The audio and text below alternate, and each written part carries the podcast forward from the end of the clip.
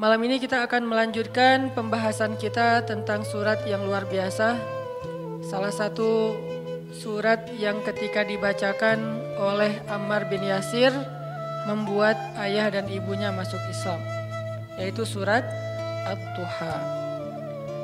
Ada tiga part dari surat ini. Part pertamanya intinya adalah ma wadda'aka rabbuka wa ma qala. Di situ Allah seolah-olah ngasih tahu ke kita supaya kita jangan berputus asa. Supaya kita jangan um, merasa kesepian. Supaya kita jangan patah semangat. Supaya kita jangan pesimis. Supaya kita jangan pundung. Kenapa? Apa siapa pun boleh meninggalkan kita, tapi Allah nggak pernah ninggalin kita. Pasangan kadang-kadang kalau lagi ngambek boleh nggak baca WA kita sampai tiga hari, tapi Allah gimana pun kita bikin dosa, kita berdoa Allah masih dengar kita. Orang lain bisa aja ninggalin kita karena ada hal yang nggak nyaman.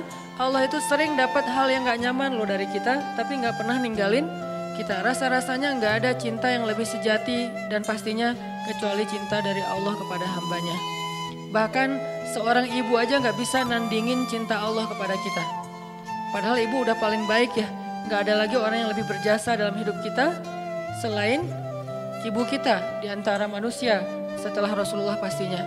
Kecuali ibu kita sendiri yang udah mengandung kita dalam keadaan wahnan ala wahnin, kepayahan demi kepayahan, melahirkan dengan resiko nyawa, menyusui dua tahun lamanya, membesarkan dengan segala bentuk pengorbanannya, ternyata itu nggak ada apa-apanya dibandingkan dengan cinta dan kasih sayang Allah kepada kita. Ibu kita bisa kecewa walaupun dia sayang banget sama kita. Ibu kita bisa aja marah walaupun dia sayang banget sama kita. Bahkan ibu kita bisa aja bikin kita sedih atau e, terluka atau kecewa walaupun dia orang yang paling berjasa dalam hidup kita. Tapi Allah enggak. Sehingga Allah bilang, ma rabbuka wa ma. Ketika kamu merasa ditinggalkan oleh banyak orang, Allah nggak pernah ninggalin kamu. Ketika kamu merasa dicuekin oleh banyak orang, Allah nggak pernah cuekin kamu. Buktinya, ketika kita banyak dosa pun berdoa, Allah masih mengijabah. Apalagi kalau kita tak taat. Itu part pertama dari surat Ad-Duha. Dan ini kita coba jadiin kayak motivasi hidup kita teman-teman. Ketika kita lagi lemah, ketika kita lagi drop, kita baca ma wadda'aka rabbuka wa ma. Kalau kita mengaku Allah hasbi, cukup buat saya Allah, hasbi Allah, hasbunallah, berarti kalimat itu harusnya kalimat motivasi banget. Terjemahan dari kalimat itu banyak. Ma wadda'aka rabbuka wa ma qala bisa diterjemahkan la tahzan innallaha ma'ana. Bisa. Ma wadda'aka rabbuka wa ma qala bisa diterjemahkan dengan kalimat uh, fa inna ma'al usri yusra. Ma wadda'aka rabbuka wa ma qala bisa diterjemahkan inni ma'akuma asma'u wa ara. Aku bersama kamu berdua wahai Musa dan Harun asma'u wa ara. Mendengar dan melihat la takhafa. Jangan takut wahai Musa dan Harun. Idhaba ila Fir'aun. Pergilah kamu berdua kepada Firaun, la takhafa. Inni ma'akuma asma wa ara. Aku yang akan memantau apa yang terjadi pada diri kalian. Jadi aku tahu banget, update banget setiap detiknya. Bahkan sebelum terjadi, aku sudah mempersiapkan perisai untuk melindungi kalian. La takhafa, jangan takut. Itu terjemahan-terjemahan yang banyak di Al-Quran tentang kalimat ma maqala. Atau mungkin kita bisa challenge diri kita sendiri ya. Ketika kita tilawah Al-Quran secara acak, cari ayat terjemahan atau bahasa lain dari ma rabbuka maqala. Coba cari di Al-Baqarah, cari di Ali Imran itu banyak banget kalimat ma wadda'aka rabbuka wa maqala. Rabbmu tidak pernah meninggalkanmu, nggak pernah benci sama sama kamu. Ayatnya banyak banget bahwa Allah nggak pernah ninggalin kita, bahwa Allah nggak benci sama kita.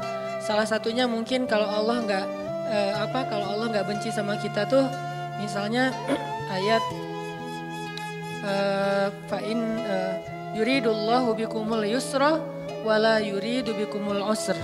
Sehingga siapa yang berpikir syariat itu kayak beban, seolah-olah Allah kayak nggak nggak nggak nggak rela gitu ngelihat kita nyaman, kok dikasih syariat, dikasih beban, dikasih tugas, dikasih batasan, Enggak, itu salah paham. Allah ngasih syariat bukan untuk ngebebanin kita, bukan karena Allah iseng sama kita, bukan karena Allah benci sama kita, tapi karena Allah pengen memudahkan hidup kita justru dengan syariat.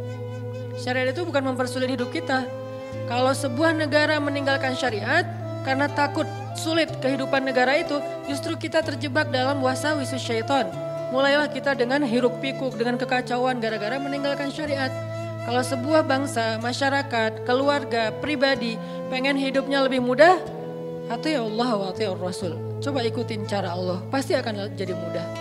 Memang di awalnya kelihatan agak-agak challenging nih. Tapi begitu kita jalanin, yusrun, yusrun, yusrun, mudah, mudah, mudah, semuanya mudah. Kemarin saya jalan eh, sama istri, istri ke Thailand. Kita jalan berdua ke Thailand, pengen apa uh, main aja gitu. Jalan ke Thailand, kebenaran ada acara di, di Malaysia, terus mampir dulu ke Thailand. Sampai di Thailand kita ke Pattaya dulu nih. Saya karena senang dengan laut, saya cari yang lautnya masih aman. Kalau Phuket mungkin gitulah ya. Cari yang Pattaya yang private beach, jadi nggak ngelihat yang gitu-gitu. Cie, sombong. Kalau terlihat kan nggak sengaja. Nah, pergilah ke Pattaya gitu ya, cari yang uh, beach yang private gitu. Terus karena kita nggak tahu halal foodnya di sana, akhirnya kita kayak sangat sangat hati-hati mencari halal food sampai rempong, sampai bawel. Pas mau room service minta makanan ke kamar karena nggak berani makan di luar, kita sampai bawel banget bilang ke restorannya itu pakainya oilnya oil apa? nggak nggak pakai oil yang pork kan? Saya minta yang vegetable oil ya. Ya pak gitu. Terus itu wajannya diganti ya dicuci dulu. Ya pak. Itu yang apa masak ininya tepungnya udah dipakai yang pork belum sebelumnya. Ya bisa kita bikin yang baru pak. Sampai mereka sebel banget gitu kan karena banyak banget permintaannya padahal pesannya cuma nasi goreng tapi permintaannya panjang gitu akhirnya dihidangkanlah nasi goreng seafood kita makan berdua sepiring penting banget sih. Nggak ada hubungannya dengan tema.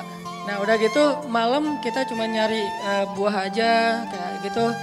Nah karena kita berusaha untuk ketat dalam masalah halal food, kalau nggak benar-benar kita bisa yakin bahwa ini halal atau minimal dia uh, apa uh, aman gitu, maka kita nggak akan berani. Ini berusaha lah belajar taat kecil-kecilan. Bukan hal besar sebetulnya. Tapi justru saya ngeliat di sini hal kecil dihargain sama Allah. Kalau hal besar apalagi kan ya hal sepele kayak gitu doang. Allah langsung kayak ngehargain gitu. Ini bukan karena saya soleh, tapi karena saya mencoba untuk meniru orang soleh. Akhirnya mendapatkan janji yang Allah janjikan kepada orang soleh.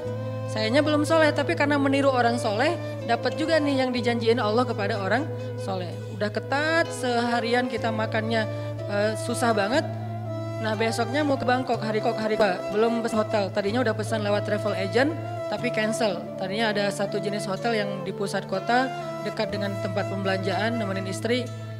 E, ternyata dari travel agent itu katanya nggak nggak dapat. Oke okay, cancel. Saya pesan pakai online. Pesan nyari yang dekat dengan hotel itu.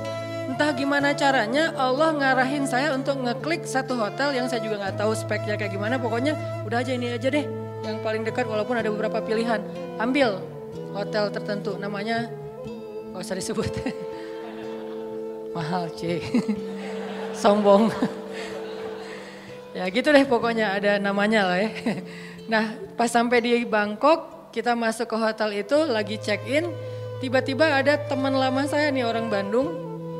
Dia istrinya lagi lewat jadi hotel sama kondonya itu bersebelahan. Dia ternyata tinggal di kondonya dia lewat melihat kayak Ustadz Hanan, dia ngubungin Benzo. Benzo cuma angkat tangan, lihat ke atas. Itu namanya Benzo, masih Jovisa. Nah, Benzo dihubungin Benzo, Benzo tanya ke saya, Ustadz, Ustadz lagi di hotel ini di Bangkok loh. Kok Benzo tahu? Kan saya nggak ngasih tahu siapa-siapa. Nggak tadi ada uh, teman yang ngelihat Ustadz, dia kayak ragu gitu, bener nggak? Oh iya bener, kenapa? Dia ngajak Ustadz nanti malam cari makan halal dan Thai banget gitu. Alhamdulillah berarti kemarin susah dikit, sekarang Allah kasih jalan keluar. Bukan hanya itu, ternyata hotel yang saya pilih itu dia udah uh, halal restoran untuk breakfast tuh aman, udah halal. Karena susah kan nyari hotel dengan sertifikat halalnya di sana. tanpa kita ketahui ternyata Allah arahin kita ke hotel yang nggak perlu bawel lagi untuk uh, room service-nya karena dia udah halal restoran. Ditambah lagi diajak sama teman saya uh, untuk makan yang halal food tapi Thai banget, enak, uh, ditraktirin itu yang paling enak. Nih saya berpikir kalau saya lebih cepat atau lebih lambat satu menit aja pas check in kan saya nggak bakalan ketemu dengan istrinya ya sehingga kita nggak berpapasan, nggak saling uh, tahu. Allah yang bikin timingnya pas banget. Dia jalan lewat depan hotel, saya masuk check in, dia ngelihat ke saya, terus dia ngubungin Benzo, Benzo ngubungin ke saya, pas dapat wifi karena ngandalin wifi banget kan di luar negeri teh, irit gitu. dapat wifi, saya langsung balas. Qadarullah malamnya dimudahin, akhirnya kita jalan, makan halal, enak, mu, bukan murah gratis.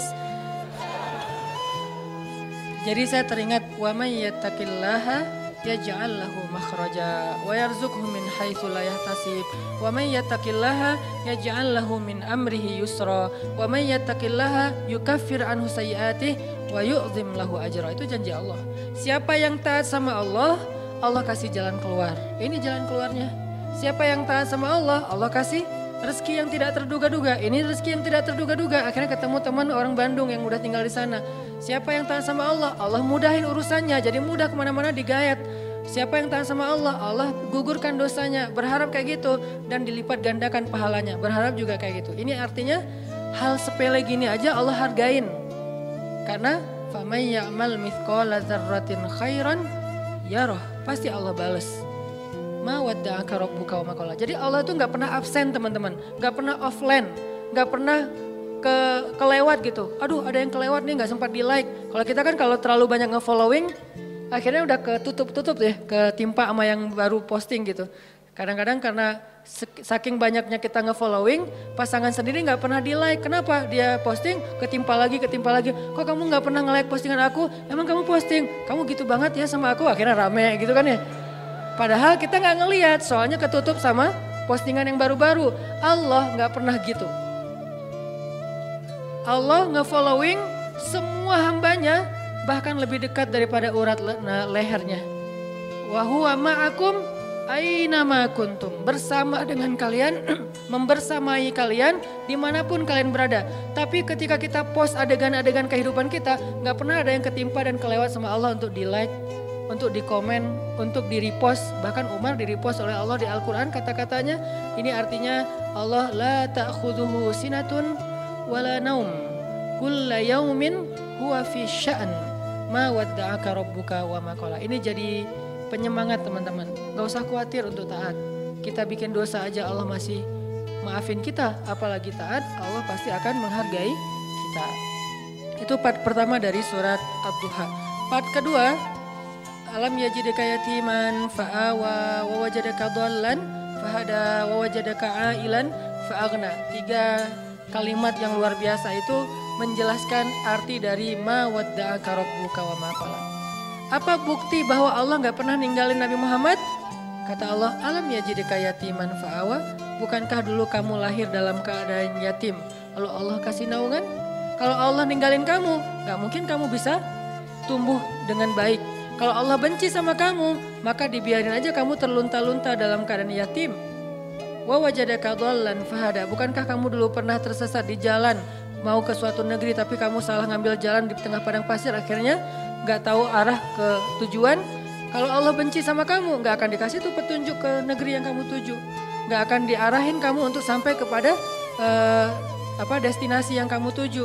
Bukti Allah ma wadda'aka rabbuka wa. Alam yajidka yatiman fa'awa wa wajadaka dhallan fahada wa wajadaka ailan fa'agna. Nanti kalau kemarin saya bahas Alam yajidka yatiman fa'awa versi Nabi Muhammad yang belum kebahas itu versi Nabi Musa ya. Versi Ibrahim, versi Ismail, versi Isa, versi Yahya, versi Maryam. Itu semuanya ayat-ayat tentang kisah-kisah tentang alam yajidka yatiman ya Maryam, alam yajidka yatiman Yahya, alam yajidka yatiman Isa, alam yajidka yatiman Ibrahim, alam yajidka yatiman Musa, alam yajidka yatiman semua hamba-hambanya. Fa'awa.